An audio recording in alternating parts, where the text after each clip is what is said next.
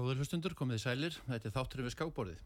Ég heiti Kristján Örn Eliasson og er alþjóðlegu skákdómari.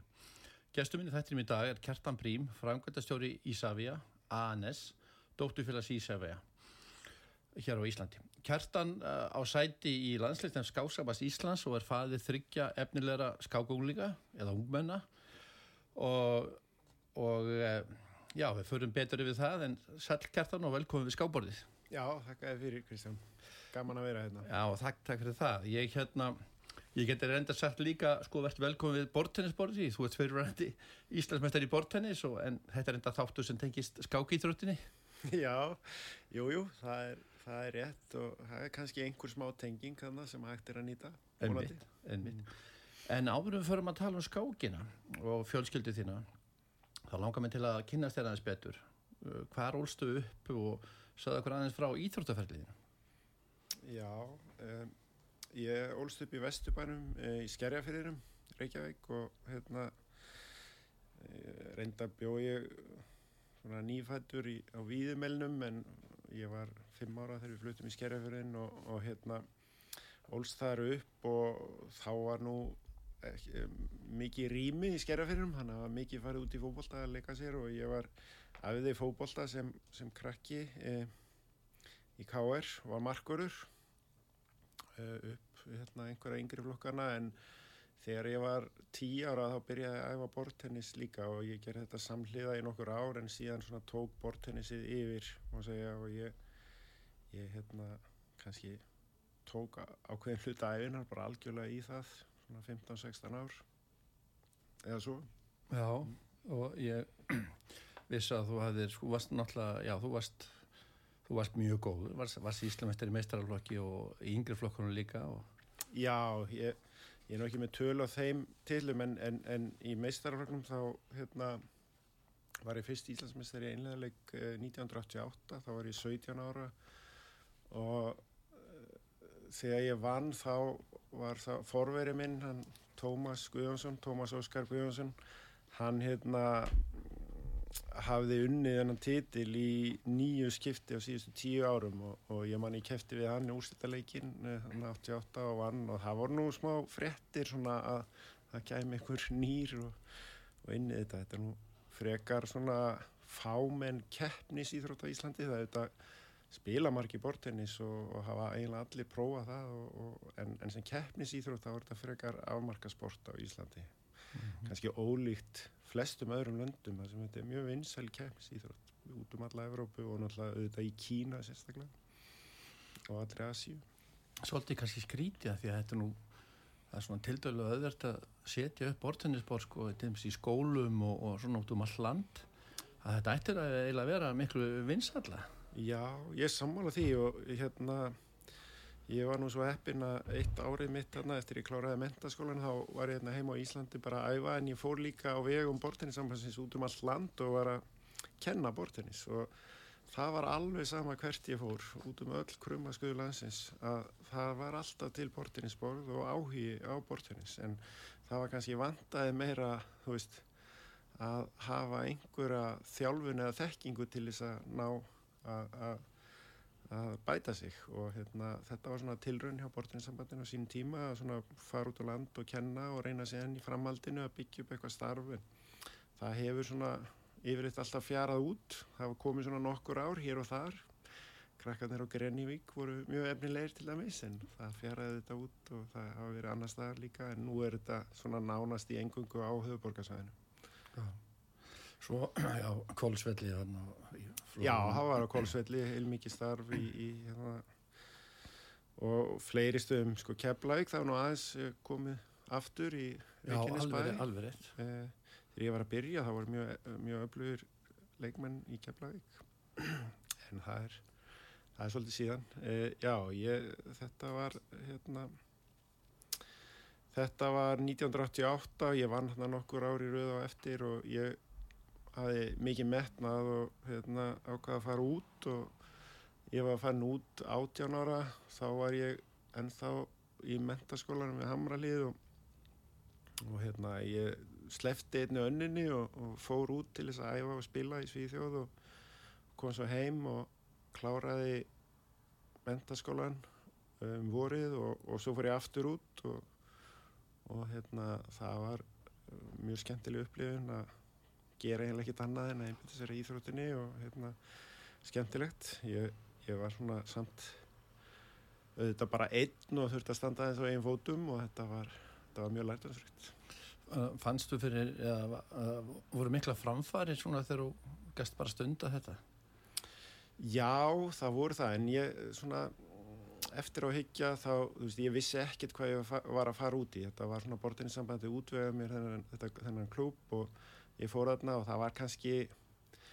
það var mjög öflugi leikmennanna en kannski svona æfinga umhverfið var var svona aðeins léttara en ég átti von á fyrir svona öfluga, öflugan klúb og hérna það var svona En, en ég gerði mitt besta og æfði hérna og fór út um allt að keppa hérna í Svíþjóð og ég, jú, jú, ég náði virkilega framförum en síðan eftir þetta uh, og, og árið mitt heima þá fór ég út uh, að læra til Danmerkur. Ég var þar í sex ár uh, og uh, að læra verkfræði í TTU, Danmarks Tekníska Universitet í, í Lungby og bjóð í Köpen og og hérna æfði og spilaði þar með liði og, og fekk að æfa með danska landslýsóknum sem, var- sem að virkilega hjálpaði mér og ég náði góðum framförum þar. Mm Ég er svona þess að, ég er náttúrulega forvitan að vita þessum svona þannig bakgrunn því að ég veit náttúrulega faðið var mjög sterkur í skák og svo ertu náttúrulega faðið þryggja mjög efnilegar og sterkara skák, eða það er ekki lengur börn, já börn og ólinga, svona elstið tvítugur, þannig að við komum vinna þá eftir, mér svona svolítið til að tengja þetta sko, uh, hvað á maður að segja, svona við sjá viðhorf fóreldra, hvað er verið að gera, hvað menna sko, hvernig var sjálfu verið að gera, þú kemur með hennar bakgrunn, er svona, uh, já, afriðs íþrótt, íþróttumæður í þinni grein og, og þannig við getum kannski tengt þetta eitthvað á eftir sko. Já. En þarna, já, þú varst í Danmörku og, og hérna, kemur svo heim. Hvað keftur um marga, þú varst í landsliðinu, hvað? Já, ég, ég veit ekki hvað ég spilaði marga landsleiki en ég heldur hafi farið yfir 100, ég fór á mörg heimsmeistaramót og Evrópumeistaramót og, og það var svona Evrópudeild í gangi, ég spilaði henni og, og hérna, þannig að þetta var fullt af leikjum og það ma ma kannski svona sapnar upp nokkuð mörgum leikjum þegar maður keppir í bortennis vegna þess að þú spila kannski 2-3 landsleiki á dag í svona, á svona heimsmeistaramóti til dæmis en, en hérna, já, ég var Ég, ég, ég held ég sé svona annar í rauninni við flesta landsleiki. Ég held að Gu- Gummi Stef hafi nú farið fram á mér. Hressilega, grunna mig. Talandi um Gumma Steff, hvað hann var uh, Íslandsmeistari, hvað, 20, eða 20, 20 ári röð og svo 21 núna, hann er Íslandsmeistari núna. Döstaði reikið af sér og mætti Já. eftir hvað, hvað langa kvild? Eftir Fi- tíu ára kvíld. tíu ára hvíld. Þetta frábært hjá hann glæsilegt. Hann var náttúrulega í algjörum sérflokki á Íslandi og, og hérna ég held að fólk gerir sér enga grein fyrir hva, hvað hann var ótrúlega framalega svona á heimsvísu og, og maður hefði viljað sjá hann bara ganga ennþá lengra fyrr sko. Hann fór út þegar hann var um tvítugt svona uh, þú veist þess að dvelja lengi og eftir það þá tók hann miklum framförum en það er svona hann hefði alveg mátt fara fyrr þótt að það hefði verið hérna erfitt en hann átti frábæra félir og hérna stóð sig glæsilega og hérna maður var virkilega stoltur hérna fyrstu árin þegar ég var að með honum í landsliðinu að sjá svona ungan leikmann vera með alla þessa hæfileika og getur til þess að keppa við, við, við leikmenn á, á hæsta sem Mm. er eitthvað sem að Ísland hefur aldrei átt ekki átt svona marga svona ekki svona kalibur. ekki svona kalibur En hann var Íslandsmeistari hvað, 13 ára eða ekki? sko hann var fyrst Íslandsmeistari 11 ára Já, og 11 ára og rétt, hérna-. Ég kæfti við hann manni úrslítaleik þegar hann var 13 ára kom ég heim og búin að undirbúa mig mjög vel og hérna ég fóð meðlega hans og heimsótti við minn sem var í NTG í Noregi, Norges toppídrisku nasjum og var, var svona æfabortinnis þar, Ingólfs Ingólfsson og, og já, ég hefði mjög vel fyrir það mót og ég hérna fór í úrslítaleikin, spilaði við gumma og það var, það var reyndar hörku leikur uh, og fór í úrslita lótu en mér minnir að í úrslita lótunni þá einhvern veginn steig hann upp meðan að ég svona átti erfiðara uppdráttar og hann svona sildi fram á mér þar. Mhm. En það var, það var skemmtilegt og fullt af fólki og gaman að, gaman að keppa við hann að því í þessum skákþáttum mínum maður hefur talað við, það er margir þættir og maður hefur talað við sko, sko, fólki í íþróttum eins og bara sinni þínir og, og dóttir líka reyndar í, sko, í fókbóltunum ég er að taka þessa tengingu sko, við skákina mm -hmm. hvað það maður að gera til að ná langt og minnist á það ef hann hefði farið fyrr út hann er 11 ára náttúrulega orðin íslasmestari en það er svona eins og í skákinu líka að, að, að, að það þarf eiginlega sko, menn þurfa að ná árangreilega mjög snemma að vera mikil afræðsmaður ekki Jú, það er náttúrulega það að þú þurft að fórna þessi miklu og ef þú ætlar að komast á heimsmælugara þá verður að fórna þessi miklu og það er, það er auðvitað eitthvað sem að bara er ekkert margir sem að velja að gera og ég menna að það ég held að fólk get ekki ætlast til þess að, að, hérna, þá ekki að þvinga neitt í eitthvað svoleiðis. Heldur verður þetta að koma bara frá manns eigin svona áhuga og, og hérna Ég held að, að veist eins og ég ger þetta, ég fór út sko sjálfur áður en ég kláraði mentaskólan en ég, ég kláraði hann síðan mjög fljótlega eftir og fór út og hérna gerði mitt besta, ég bjó úti meðan ég verið námi og eh, en hérna hann að ég, mér, mér finnst ég svona aðeins að hafa rutt veginn, ég veit að það voru nokkuð margir svona sem kom í kynnslónu eftir mér sem gerðu svipað, fóru út og fóru í mentaskóla jafnvel og háskóla og að æfa og, og spila og hérna það hafi verið framfarir finnst mér í, en það eru þetta ennþá með bortinni sinna er, það er alltaf fáir á Íslandi sem eru svona að spila svona háa leveli sem við er já, já. Svona áður við yfirgjöfum bortinni sinna þá hérna það er kannski núna eins og í fyrra því nú er yngi darvis verið hérna Hann hefur verið erlendis að spila í, hvað er ekki, Svíþjóð vantalega? Hann hefur verið... Jú, hann hefur búin að vera í Svíþjóð eftir því sem er best veit. Ég þekki það nú ekki mjög vel en ég menna ég sá hann og fylgdist með Gumma á Íslandsmótunni og sá hann spila nei undanúrslítaleikinu við, við Gumma Stef og mér fannst hann virkilega flottur í þeim leik, hann að yngi darvis. Sko. Ég vissi allan tíman að Gummi myndi vinna þetta mót því að eh, ég, ég var hann þegar hann var að, sem bestur og ég hugsaði þegar ég heyrði af þessu að hann myndi keppa, já hann er alltaf að fara að vinna þetta svo heyrði ég að hann væri búin að vera að æfa sig líka. Og þá segði ég sko, já hann, hann áttur að vinna alla lútunar En hann gerði það reyndar en, en, en sko, er rétt svo, rétt svona, svo. En það er samt hugaður að koma aftur eftir sko því að nú, nú er eins og Ingi Darvis, nú er hann eh, bara, ég held í fram að hann sé bara núna langsterkastur fyrir utan Guðmund. Já. Og hérna þeir hafa verið Magnús og þessi strákar þeir hafa verið svolítið jafnir og skipst á en, en yngi er svona kannski eru þessi þrótlega æfingar og, og erlendis að, skila, skila sér svo. hann var virkilega gaman að sjá það og spila úsöldaleikin neða undarúsöldaleikin þannig hafnaði en uh, segjum skilið við bortinni sér bili. Eða að tala þess um fæðin já. Hver var hann? Fæði minn hétt uh, Stefan Brím og, og var uh, skákmaður, uh, hann er fættur 1938 og, og hérna og var einn af sterkustu skákmönnum landsins á, á, á sínum tíma og hérna þótti mjög efnilegur eftir að hann kom á sjónasvið. Ég, ég kynntist því bara þegar ég var strákur og fór að fylgjast með honum. Ég var svona 7, 8, 9, 10 að fara niður í bæ á lækjatorg og fylgjast með út í skakmótonum þar sem hann var að tefla og, og svo leiðis og, og líka einhver skakmót sem var að keppi í haustmót og, og þegar við byggum í Kanada eitt ár þá fór hann á eitt mót og þá fór ég með honum og hérna fylgist með hann stóð sér mjög vel þar. Eh, en svo þegar ég fór að glugga í þetta þá, þá hérna þá var hann í raun og veru bara strax 1950 98-9 þá var hann orðin virkilega sterkur þegar hann var svona 19 ára 20 og, og hérna og hérna stóð sér gríðalega vel eh, og hérna mjög skaman að rifja þetta upp og ég flett upp í svona tímareitt.is og svona það sem eru bladagreinar um, um hann og, og hvernig hann var að standa sig og þetta bara kom mér svolítið á óvart hvað hann hafi náða langt svona ungur Það var, var ekkert mikið fyrir jafnteflið það. Nei, hann, hann, hann hafði nú svolítið djarfan skákstíl, segja menn og ég, ég þykist nú vita það þótt að ég sé ekki neitt snillingur í skák en, en hérna, já, hann, hann spilaði djart og, og hafði mest gaman að því að, að hafa svona allt einhvern veginn upp í uppnámi og, og hérna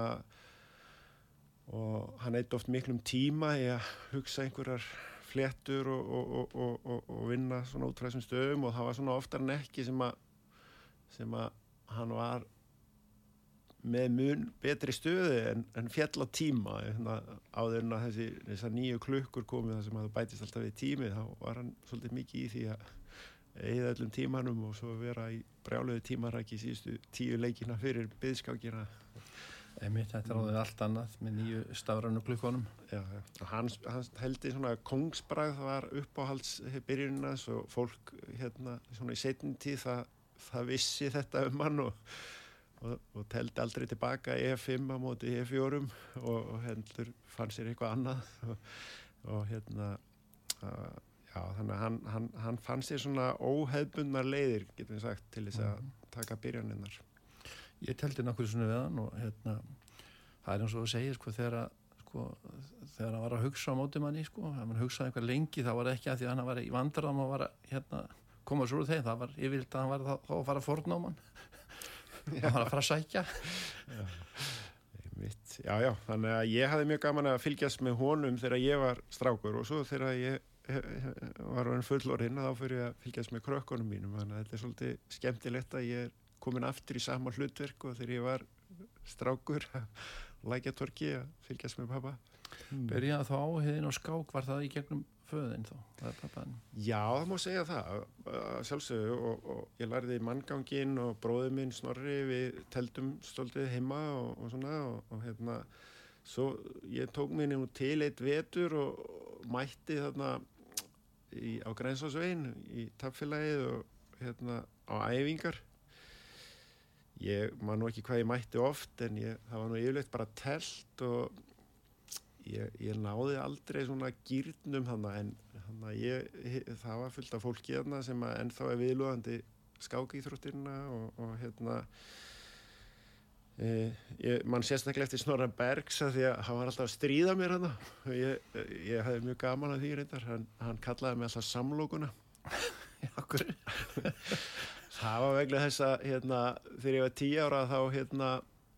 þá gaf ég út blað með vini mínum í skerjafeyrirum sem við köllum samlokan og var mjög hérna, fallega minnskreitt að sýstu minni með svona rísastóri flottir í samloku og við vorum þar með inn ímsu, ímsu frettir og viðtöl og, og auðvitað skákþátt í, í því bladi sko. Já, já, tíu ára gammal En þú er nú ekki fyrst í maður sem Snorri Berg er að hriplast í? nei, nei, ég, ég, ég veit það, hann, hann er svolítið prakari, kallinn. Já, já. En uh, með fæðin, hann, hann teldi hérna, var hann ekki með stúdenta, var hann ekki hérna, teldi hann ekki með stúdentum? Hvernig var það? Jú, það er hérna, hann sagði mér einhvern tíma að hann sennilega hefði besti, sko, hann hefði staðið sér best hérna af öllum keppnum sem hann tók þátt í uh, þegar hann fór á heimsmeistarum átt stúdenta hérna 1964 minni mig og hérna spilaði þá á fyrsta borði og það var verið að keppa við þessar stærstu þjóðir sko, Sovjetríkin og England og Svíþjóð, Ítali og svona og hann var að hérna, halinn vinningum hann og held ég að hafi fengið fjóru og fjóru halvan vinning í sjö skákum hann tapaði nú einhverjum hann að móti Sovjetríkjónum en hann vann líka eins og finnan góða, vesturinn Hekki vesturinn já, já. Hann er svona Íslandsvinnur Íslandsvinnur og hérna einhverja fleiri sem voru sterkir skákmenn og hérna hann var virkilega ánaður með þá framistöðu auðvitað stóð hann svo oft vel á mótum minna hérna heima líka og vann einhver mót og svona, vann haustmótið 77 ég man eftir því að, að, að, þegar það gerist, ég man líka eftir því þegar hann hérna var ég... Ekki, þú er fættur 70 ekki? Jú, ég fættur 70. Þú verið 7 ára gammal? Já, ég var, já, ég var 6 ára. Já, ég man líka eftir því þegar hann, hérna, sem sagt, kefti á haustmótunni 76 og tapaði fyrir í einvíi þegar voru jafnir hann og Jón Ell og, og, og Jón Ell vann hann í ein, einvíi um titilinn held ég bara 3-0 eða eitthvað svo leiðis og hérna og pappi var nú frekar svektur með þetta en hérna mér skilst að hérna bara einhverjum mánuðum setna þá hafi Jón Ell einmitt unni þarna heimsmeistara til úlninga og hérna og næst þegar pappi hitt hann þá sagði hann vist við hann að hann þakka honum fyrir og sagði að hann hefði bjargað æru sinni hann hætti að skamma sér fyrir að hinn var róðinni heimsmeistari Já, það var selina málið sko. Já, Jón Ell var heimsmeistari 1977 Já Hvað er 17 ára þá er að teppaði pappa hann 16 ára 16, já 16 allar, hann var annarkvæmt 15 eða 16 og, og hérna og hérna, já þetta var nokkur mánuðum á undan sko. Já, ég held þess að Jón L. Árnason hann hafi verið fyrsti heimsmestarinn sem Íslandingar eignast bara í nokkur íþórtugrein Já, ok. Ég er nú ekki alveg, alveg, alveg vissuð um það, ég held að það verður bara að leiðrætta mig með það. Heimsmeistar á það það er náttúrulega magnað afreg hjá þessum skákmönnum hérna sem að hafa náða að verða heimsmeistarar í skák. Svona sterk, já, það er svaka gott. Svona sterkir skákmenn sem að pappiðin lagði. Þetta með e- eitthvað nöfn svona íslensku eða erlendi eða ég, eh, sko, ég er náttúrulega bara ég, pappi kefti þetta tímariti skák og ég, ég seti uppi með öll eintökin og jafnvel einhver forvera þess sem að hétt eitthvað skákarítið eða eitthvað svo leiðis og hérna ég með, með öll þessi eintök og ég var að glugga oft í þetta þegar ég var hérna lítill og en, en það sem að pappi gerði sem að mér finnst frábært og skemmtilegt og ég þarf að gera eitthvað við er að hann tók saman allar keppniskákirna sínar og hann, hann var mikið tölvukall og, og hérna hann setti þetta allt inn í tölvu og svo, svo gaf hann út hérna svona hefti og prentaði nokkur eintökum og ég á nokkur eintök þar sem hann er með allar kappskákir sínar frá 1956 til 2011 hvað sé og svona þegar maður gluggar í það þá sér maður að hann hefur keft við ímsa meistara og hérna og hann var nú ekkit orðin mjög gammal þegar hann var að vinna leikmenn eins og Ingar Jóhansson og Egert Gilver og Yngvar Ásmunds Margi Péturs, hann hefur nú sennilega verið fyrir eitthvað ungur á þeim tíma en samt, mm Mhm. segir að Margi Pétursson og, og hérna og þannig að hann, hann vann marga mjög sterka uh, skákmenn sem að voru veist, þessir bestu leikmenn Íslands á þessum tíma þetta fyrir utan Friðrik og, og, og síðan Guðmund Sigurjáns mm svo hérna gerði hann jafntefli við uh, heimsmeistara kvenna. Já, er það ekki? jú, ég held að hún hafi nú verið frekar ung á þeim tíma en, Já, en hann já, gerði samt jafntefli við hana Judith Polgar og, og hérna uh, hann svona hérna hann teldi stundum á þessum Reykjavík skákmótum á þessum tíma svona kringum 1980 og, og hérna hann var á einu af þeim sem hann lenda móti Judith og Mm gerði jafntefli? Já, hún er sterkasta skákona allra tíma. Það verður engin náðinni en er þetta einu dag. gaman að hafa það á fyrirlskránu og gerði við hana. Að fara í auglúsingar núna og svo förum við tjóla með spennum pappaðan og förum yfir í börnin? Já, gerum það. Förum þá auglúsingar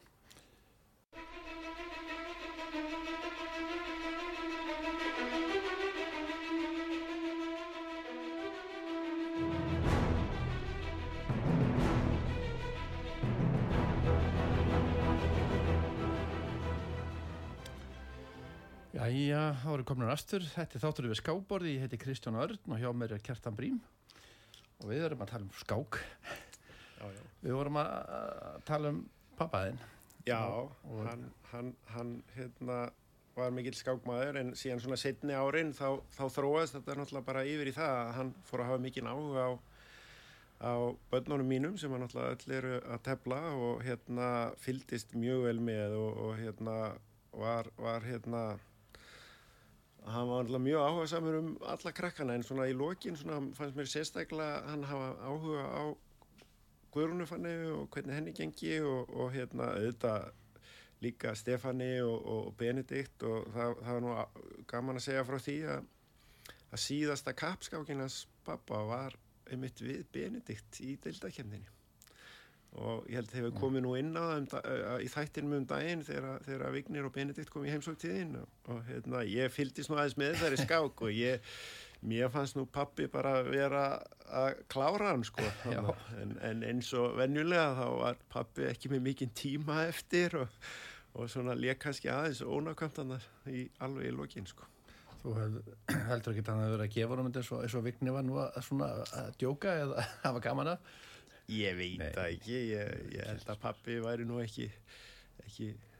hann, hann var mjög heiðarlegur maður og hérna vildi ekki neitt rámt gera og hérna þetta hefði ekki, hefði ekki Nei. flokkast undir,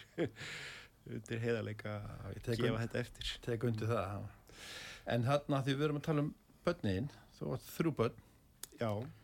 og það er Stefan, hann er fættur 2003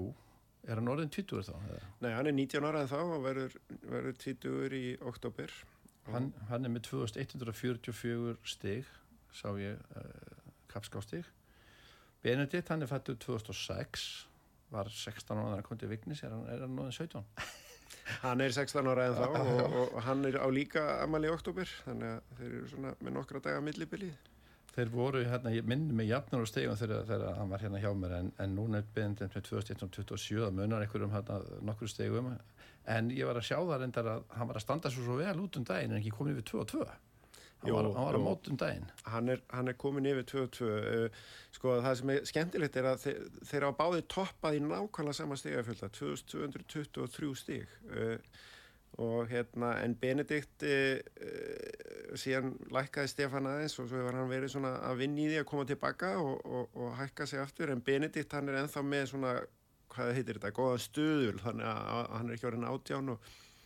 og núna er hann eftir góðan arfangur um daginn í Tjekklandi þannig að þá hækkaði hann og fór aftur upp fyrir 2-2 en hann er ekki alveg búin að ná maksinu en hann hann er mjög spenntur fyrir því að halda áfram og, klára, og komast lengra og ætla sér svolítið stóra hluti. Hmm. Já, þeir voru hérna mjög hressir að, sko þegar það verið að gera þess að heimasíðu í Vignir Vatnar og hann og, og hérna og þjálfa og svona þannig að ég, þetta er stiða hvern annan alveg að fullu og eru mikið að vinna í þessu. Þannig að hann, þetta er sannlega að skila sér þessi samvinnan og eitthvað að skila sér held ég núna Já, algjörlega. Hann, hann, hann Vignir hefur gert ótrúlega mikið fyrir hann Benedikt og, og, og, og þeir þrýr saman, Stefan, Benedikt og Vignir og stútir að saman og hjálpa hverjaðurum og þetta er bara mjög góð og sterk vináta sem, sem að við erum rosalega ánað með fjölskyldan. Eh, eh, en kannski svona, ef ég segi frá því hvernig þetta byrjaði, sko að það var auðvitað þannig að Stefan elstur og hann lærði svolítið manngangin held minni mig á pappa í heimsókn heim í Skerjafjörðin en síðan sko var hann í bekk með Vignivarnar í Hörðuvallaskóla og, og hérna og einhver tíma byrjuði Vignir að taka með sér á einhverjar æfingar, ég held að vera í helli eða bara einhver staðar sem við fóru, við fóru í mjöttina og, og, og einhvert annað hann fór á æfingar og, og síðan svona fyrir alvöru þá fór þetta stað uh, þegar eftir eruðu Íslands mistarar barnaskóla sveita í fyrsta sinn, heldur að verið tíu ára þá. Uh, þá var hérna Stefan og Arna Milutín og Sverrir og Óskar hákunarsinnir og svo Vignir auðvitað og hérna þá að farið út að keppa til Danmarkur á, á hérna Norrlandamótinu og, og hérna þeir stóðu sig vel þar þóttir hafa ekki unni, þeir voru í öðru eða tríasæti og og þá bara eftir þessa ferð eh, þá var ekki eftir snúið sko. og Stefan sko leðinni heim af flugullinum þá sagði Stefan bara við mig Pabbi, það er æfing að byrja eftir 35 mínútu, þú keirir mig bara beint þangað, veist, þá var hann að meina skákæfing út í breiðablík og, hérna, og ég gerir það auðvitað og, hérna, og, og Benedikt svona var, ég, Benedikt kom með í ferðina þótt að það væri ekki að tepla, hann var svona tiltöla nýlega byrjaður að tepla á þessum tíma Uh, og hann held ég að fengi líka bakterjuna við þetta, þetta var svo spennandi og skemmtilegt þetta, þessi ferð og, og hérna þannig að svo bara voru þeir svo hefnir með hérna þetta utanumhald hjá breyðablík bæði bara hérna Haldur Greta sem stofnaði dildina með hjálp annara og, og, og ekki síður hans Birkis Karls sem að bara var mjög metnaða fullu þjálfari og, og, og, og náði vel til strákarna hópsins sem var, þetta var ágætts hópur sem var aðeins og hérna hann laði sig svo mikið í þetta, hann Birki Karl og var með endalusar æfingar og ég man að hann var með æfingahelgi þar sem að ég bara heldur að veri tíu tíma á dag og með æfingar og alls konar meistarar sem komu hérna, veist, Gummi Kja og Björn Þorfins og fleiri sem að komu og hjálpuðum og, og hérna þannig að þetta var svona fyrstu árin og það, það, það voru mikla framfærir hérna fyrstu árin. Já, að því að við erum að tala þá tvo, ég ætla nú að klára svo er náttúrulega yngsta barnið, Guðrún Fanni hún er fætt 2010 Já. og hún er með 1706 selostík og hún er hún er Já, hún, hún er, er sko, hún er alveg, sko, ég segi ekki óskrifa blað en hún er efnileg. Hún er búin að vera að bæta sér mikið og hefur, hefur, hefur lagt til mikið á sig til að ná þessum árangri og hérna e, hefur staðið sér vel á þessum Norrlandamótum stúlna, hefur tvígang verið semst jöfna vinningum þeim, þeirri sem vinnur og, og hérna ég hef mikla trú á henni, hún er líka hefur ert smá að já, metnaði fjölskyldunar. fjölskyldunar og hérna sem er svona já, hún er svolítið svona skapmikil á köplum en, en, en enga síður svona á endanum þá eldst, eldist það af fólki en, en, en metnaðin verður áfram til staðar og, og hérna, já, þannig að hún er, hún er mjög svona áhuga sem um, um að halda áfram að, að bæta sig og hún er svolítið að hugsa þetta sko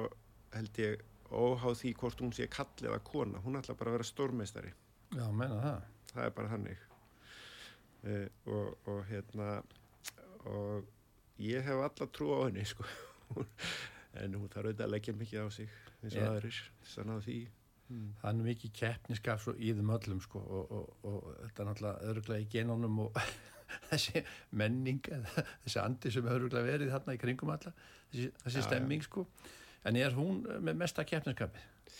Ég veit það ekki, ég, ég held að sko Stefan er, þau, þau eru öll með mikið keppniskapin sína það svolítið á ólíkan hátt og, og hérna Stefan með mikið keppniskapin, hann hefur aldrei verið með einhver læti eða, eða eitthvað svoleiði sko eh, sem að kannski freka verið hjá Benedikt og Guðrúnu. En Benedikt er alveg búin að hérna ná tökum á þessu og, og, og Guðrún fann ég er svona náði líka, þannig að ég, en já þetta er metnaður en um leið sko veist, þau verða auðvitað að finna þennan áhags hjá sjálfu sér og þau eru líka öll í fókbólta og þeim finnst gaman þar líka og, og hérna þetta svona sveiplast bara hva, hvað þau vilja að gera, hvort þau vilja einbita sér á fókbóltanum með skákinni og, og hérna þau standa sig vel í þessu öllu og við bara hvetjum þau áfram með og reynum að hjálpa þeim. Hmm. Ég ætlaði að mynda að spyrja það líka sko því að þess að fóru við þessa sko frá kynninguna þér sko í bortennis og, og svona afriksmaður sem þú ert að gera og Svo varstu með sko þrúböld sem öll eru mjög framalega í skákinni, unga árum. Hva, hver er formúlun og hvernig stiði þið fóröldranir við bakið á þeim? Hvernig, ertu með eitthvað góðara ráleggingar? E, já, e, það er auðvitað bara að reyna að, þú veist, fyrir mér ég hef auðvitað veld mikið fyrir mér svona, afreikstarfi í, í íþróttum almennt og hvernig maður getur náða árangri og ég lærði mikið með henn að ég var að sjálfur í þessu og í bortennisinu og veist, það, það er svona þú þarft, þú þarft að hafa ákveði hugafar hafa áhuga og metna til að vilja hérna e, ná langt og svona baráttu þreg í keppni og svo þarftu auðvitað að hafa aðstæðir til að ná framförum, vera með góða þjálfara og,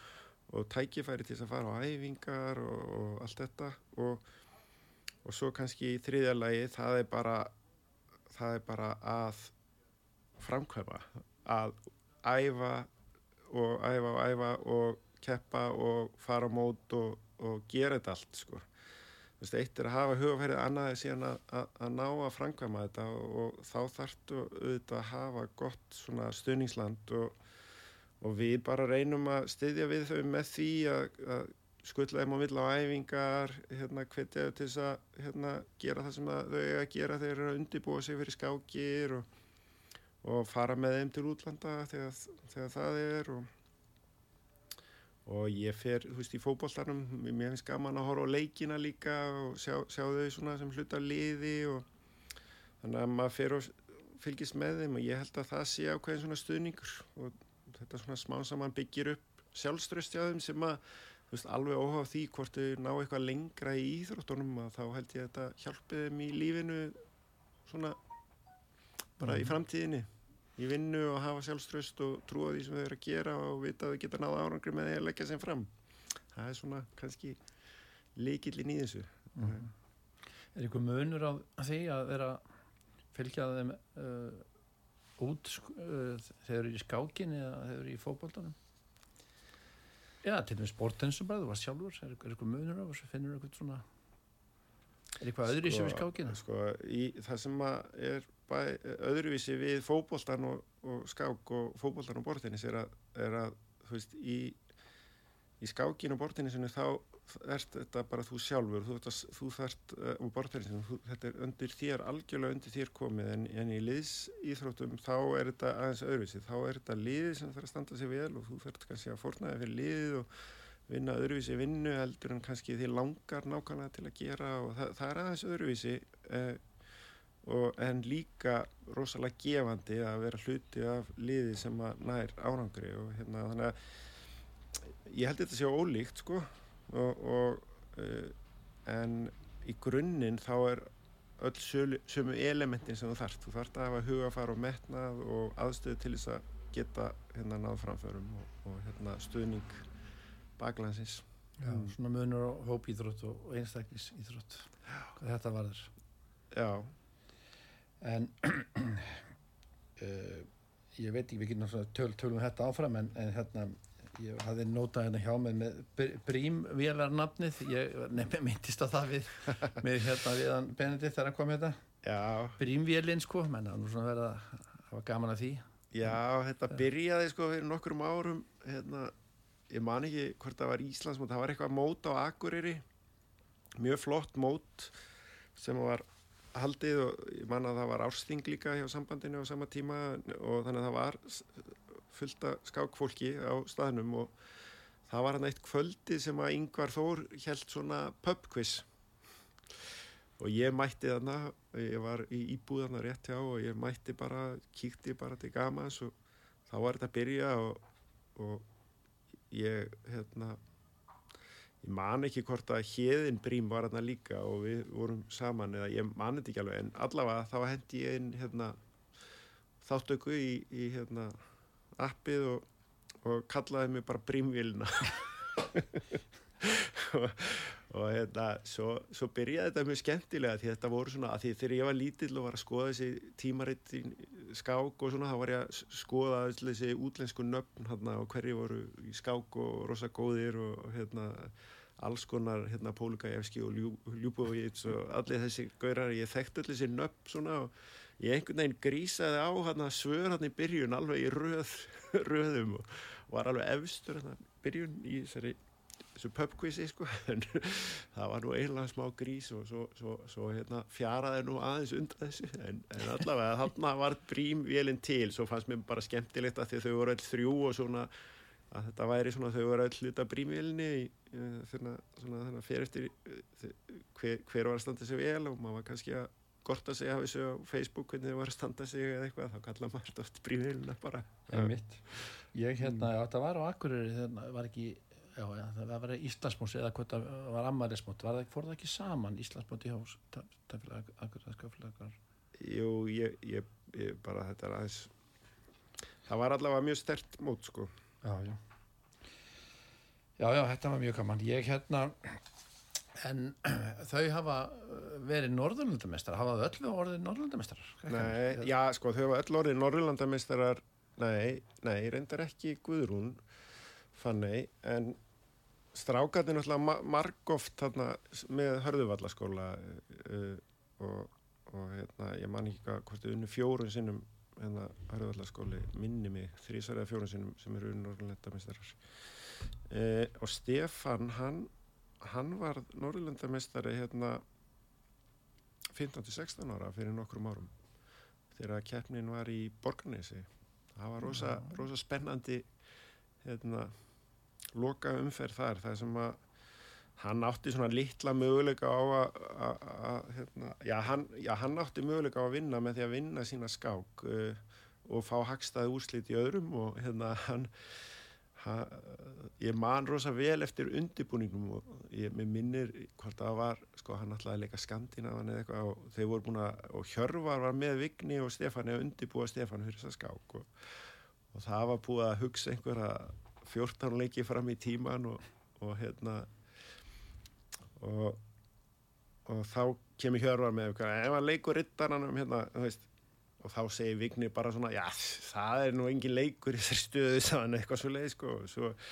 svo hérna byrjaði skákin og það fóru eftir þessari hérna, þessum undirbúning og svo kemur auðvitað þessi ágætti leikur sem að Hjörvar hafi bent á og Stefan var komið mun verra hérna, og, og hérna og Vignir sko hann hefði orðið Norrlandamistari með jafntefli þannig að hérna hann var við sátum hann saman í vignir minnum mig aðeins og, og hérna að fylgjast með og svo, svo hérna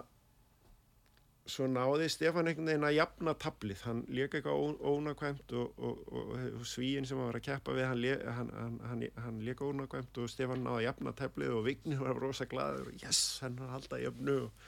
en síðan var svíin eitthvað, sko, hann vildi vinna þetta mót líka, þannig að hann fór að reyna og hérna leik sko gaf færi á sér sem að Stefán var bara mjög fljótur að nýta sér og vannskákina og, og þannig varðan Norrlandamistari, þetta var mjög skemmtileg minning fannst mér. En, en auðvitað bara var þetta frábær upplifin fyrir Stefán og, og þetta ár var frábært fyrir hann því að það, það var líka eftirminnileg skákana í Reykjavík skákmótinu í fyrstu umferð þegar hann kefti við hann Andrew Tang uh, fórnaði drottningunni til þess að máta hann og hérna, það kom hann á öllum mi- skákmiðlum heimsins hann að fréttir af þessu, þetta var mjög skemmtilegt. Það er gaman að þessu. já, já, Ég sé reynda sko að þú segir að Guðrún Fanny, hún, hún ég meina á skákpunturis, yður Norrlandamestari stúlkna, Guðrún Fanny Brím var því fyrsta til þriða sæti. Já. Að hún, hún, hún var, hún var, var tvö af bæðir núna og síðast, þá var hún með jafnmarka vinninga svo sem vann sko. Já. en, en síðan þú veist, var þessi ottasti sem er Já, sem, að, sem eru til þess að hérna, að hún fekk ekki titilin. Þau eru bara misjöp, þau eru svona bara menn geta svona. Já, já, þetta var bara frábæð framistæði hjá henni og við, við, við hérna, það skiptir ekkit alveg öllu máli hvernig þetta fer, bara menn hafi gaman að þessu og þetta sé, maður sé hann á framförum og, og, og njóti þess að vera þarna og mér finnst Guðrún virkilega njóta sín til dæmis á þessu móti. Henni líður vel í þessum kvenna mótum og kvenna æfingum og, og hérna, hún er, hún er hérna, ég, ég er mjög hrifin af því að hún, hún, hún geti keft í svoleiðsum hverju líka, ekki bara í þessum opnum mótum hérna heima. Sérðu Guðrunu og, og kannski Benedikt meiri í skákinu og, og kannski uh, Stefan kannski meiri í fótboltanum í fremtíðinni. Hvernig, hvernig sérðu svona næstu þrjú ára fyrir þér? Það er alltaf þau ráða þessu. Ég ætla ekki að spá um það sko. mér finnst þau öll geta bara haft gaman að báðu og hérna Stefan hefur held ég mjög gaman að fótboltanum núna og, og hérna hann er samt sko, veist, ég veit alveg að hann getur og mun grípa í skákina og, og hérna það verður bara að koma í ljós hvað þau vilja gera sko. Mm Er þú ert í landslistnefnd skáksamband Íslands? Já. Í fyrsta, fyrsta skipti sem að þú ert í nefnd á skáksambandsins? Eða Já, hefur verið áður? nei, ég ekki ég, ég var í alls konar starfi fyrir bortinni sambandi á, á, á sínum tíma en, en þetta er fyrsta í, í skákinni og ég bara var mjög hérna gladur og þegar Björn Ívar hafði samband og spurði hvort ég væri til í þetta og, og auðvitað er ég til í þetta og ég, ég hef auðvitað svona áhuga á því að og ég fylst með svona árangri landsleisins eh, bæði kalla og kvenna svona síðustu árin í skákinni og, og við auðvitað höfum frábæra sögu af árangri hérna landsliðana í skák og hérna fjórmenningarnir voru frábærir á sínum tíma og, og hérna menn miða svolítið við það. Mm og auðvitað er samgætnin í dag og en ennþá meiri og erfiðari þannig að öll þessi fyrrum Sovjetríki eru hvert með sín hérna, heimsklassa hóp af skákmunum og, og erfitt að ná sama árangri. En það er hins vegar hægt að hugsa hlutina þannig að mann vilji, vilji ná lengra heldur en það er í dag. Og hérna, mér finnst sko ég er mjög ánægð með þessa nefnd, hún er skemmtileg og fjölbreyttur hópur og, og mér finnst uh, umræðan sem hefur verið í nefndinni vera algjörlega að hitta naglan á höfuði með langtíma stefnu og miða við að við ætlum okkur að vera með skákmenn á vissum styrkleika eh, í framtíðinni og, og, og miða þá í framtíðinni valið á skákmennunum við að komast þangað sko. Það er kannski, er kannski meiri fókus þá kannski á unga upprænandi skákmenn og konur þetta er náttúrulega bæði landsliðs uh, nefnd fyrir Karla og Hvenna. Svo höfum við náttúrulega landslið þjálfara sem er svona einvalda sem að ráða á aðlinu þegar kannski ráðið landsliðs einvald. Já, ég held að það er hlutverk landsliðnefndarinnar að, að ráða þess að þjálfara og, og við gerum það núna fyrir næstu keppni Uh, en síðan höfum við áhuga á að vera bara með svona langtíma markmið þar sem að, að hérna, vera að hugsa til lengri tíma en bara eitt næsta mót sko. Og, og, og að ná virkilega betri árangri og vera með sterkari leikmenn og, og skrúa svolítið metnaðin í það uh, frekar en bara að velja alltaf þá sem eru stigaðistir og hérna, vonast eftir að þeir standi sér vel. Skoða fleiri þætti þá sem eru Já, bara hver eru líklegastir til þess að ná einhverjum uh, styrkleika sem að verður til þess að við komumst á einhvern svona mm -hmm. herri stall en hérna áður Hver eru að senna þessu slikt sko, menn, menn kannski verða latir eða taka pásur Já, já, það eru þetta að vera virkur það er náttúrulega margir í köllunum margir virkir og það er ekki þar með sagt að þetta þurfi endilega að vera bara einhverju ungir skákmenn, ég held að það sé geti líka verið bara fjölbreyttur hópur sko ef að menn er að leggja sig fram og veist, eh, standa sig það vel. Það er oft gott að hafa blöndu, mhm. stundum er gott líka bara að vera með nýja kynnslóð og byggja hann upp. Við erum með marga núna efnilega skákmenn sem er að ná framförum og, og hérna, veist, ég sá að Hilmi Freyr var valin í liði núna og Vignir náttúrulega einlega að fara að keppa sinu fyrsta svona alvöru landslýsmóti mm. misti af síðast út af COVID og,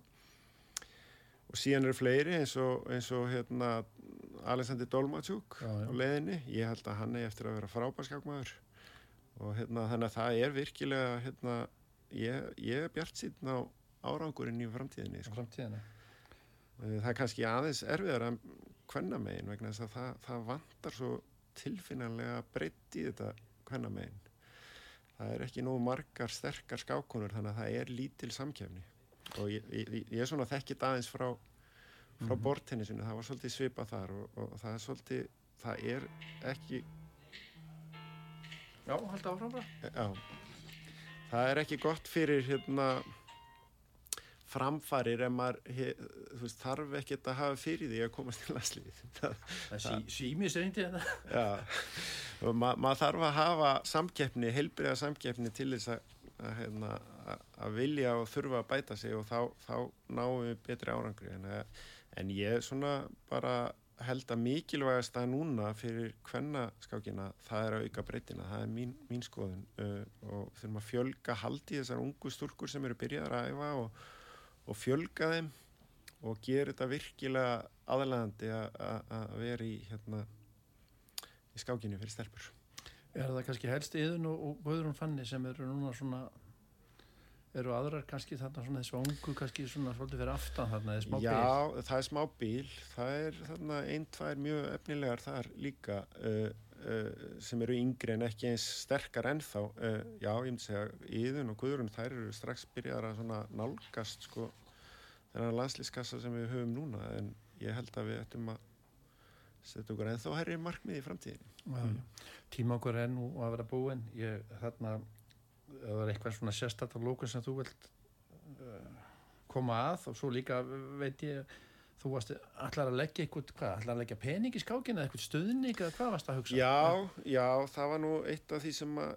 ég ákvað og ég talaði við bróðum minn og við, við ætlum að setja svona smá pening bara í svona tilstuðningsskákinni. Ég sérstaklega hugsa um svona kvennaskákina, stiðja við hana, bæði breyttina og kannski líka einhverjar efnilegar skákonur sem að vilja fá stuðning, þannig að uh, uh, Þannig að við, hérna, ég á eftir að útfæra það og svona hefur verið að tala við hinn og þessum hva, hvað var sniðut að gera og, og ég er svona, við erum að svona melda þetta og, en, en al, algjörlega vonandi á haustmánuðum þá getur ég komið fram með eitthvað svona plan um það. Eh, þannig að það er svona markmið já að styðja við við kvennaskákina, auka breytina og styrkja þessar þessar, þessar sem að vilja ná árangri mm -hmm. Eitthvað svona bara í blálokkin, eitthvað sérstætt sem að Já, mér langar bara að segja svona í lokin bara, ég held að skákin sko á Íslandi eigi bara mörg tækifæri, við erum með flotta hefð og mikið að færum þjálfurum veist, ég held að til dæmis Helgi Ólas hefur, hefur unnið alveg ótrúleitt þrekverki með skákskólanum og, og að styðja við alla þessa krakka. Og við erum með marga góða þjálfara veist, Björn Nývar, Yngvar Þór og fleiri sem eru að styðja við stefnilegu og þetta er, þetta er frábært, um, frábært umhverfi að hafa og, og það er líka styrkir í þessu og svona sem maður hægt að leiti í og ég held að við hefum bara hafa trú á ungu kynslaðinni, ekki síður en þessari hérna, hvað heit, hvað heit Fjórmenningurum? Nei, ég er að tala um hérna sem að Jón Þorvalds kallar hérna það er dottir úr mér hérna. Aldamótakarvan er eitthvað slúðis Nei, nei þessi sí ungu þannig, þeir eru þetta frábær fyrirmynd fyrir, fyrir þessa ungu en, en hérna, ég held að unga kynslaðan, hún er svona framtíðin og við eigum alveg að fókusera á að búa til frábæra frábær skáklið í framtíðinni, ég held að við höfum all, öll tækifæri til þess. Já. Svo vil ég bara þakka kjallaga fyrir tækifæri að koma einna. Já, takk fyrir, takk fyrir það. Herðu, þú valdiði lag. Já. Hvaða lag er það og smá, smá Já, ég? Ég, hérna, ég er nú bara hrifin af góðum söngunum og svona íslenska söngunum, þá, þá er að raka Gröndal sem að mér finnst æðisleg og, og hérna, en og, og svo nokkra svona ellendar sem að ég, en ég sést að dálæti þennan á Evu Kassit í mér, svona alveg indisleg og, og hérna, ég er svolítið svona mikið fyrir þannig tónlist svona. Afslappaða fallega tónlist og mér valdi hann að hlusta á lægi þannig Autumn Leaves sem að hún syngur alveg einstaklega vel. Mm -hmm. Ma, maður heyrir þetta oft með Natalie Cole sem er líka mjög fallegt en þetta er alveg einstaklega bara hækki í tækjónum og hlusta og njóta. og hún hefur tengingu í Ísland. Já hún hefur tengingu í Ísland. Eh, bróðurinnar David Casti hann býr hérna. Spilaði með pöpum og Já, ég, ég var svo heppin að fara á svona tributónleika með Jóhannu Guðrúnu fyrir mörgum árum í salnum og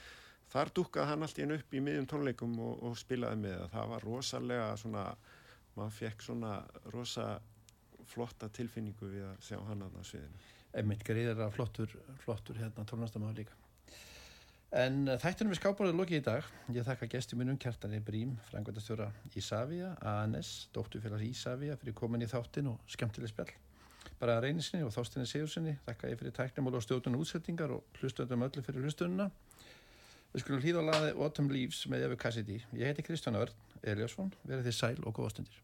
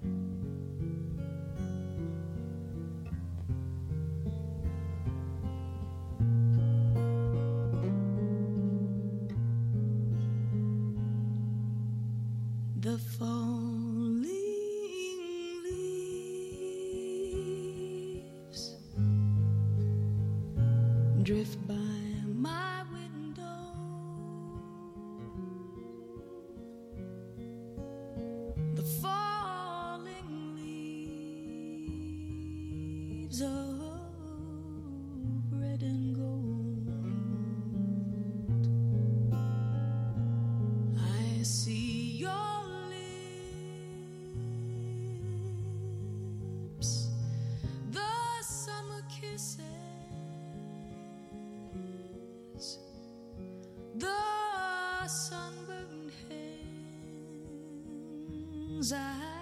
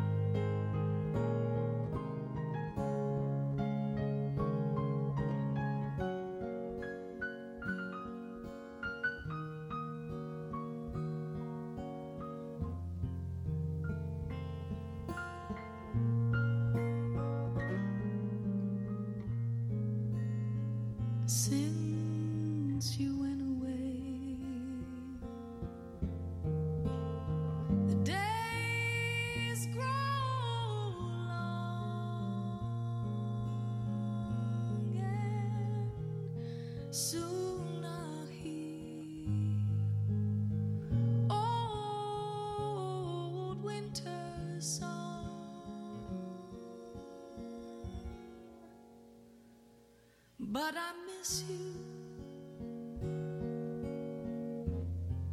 most of all,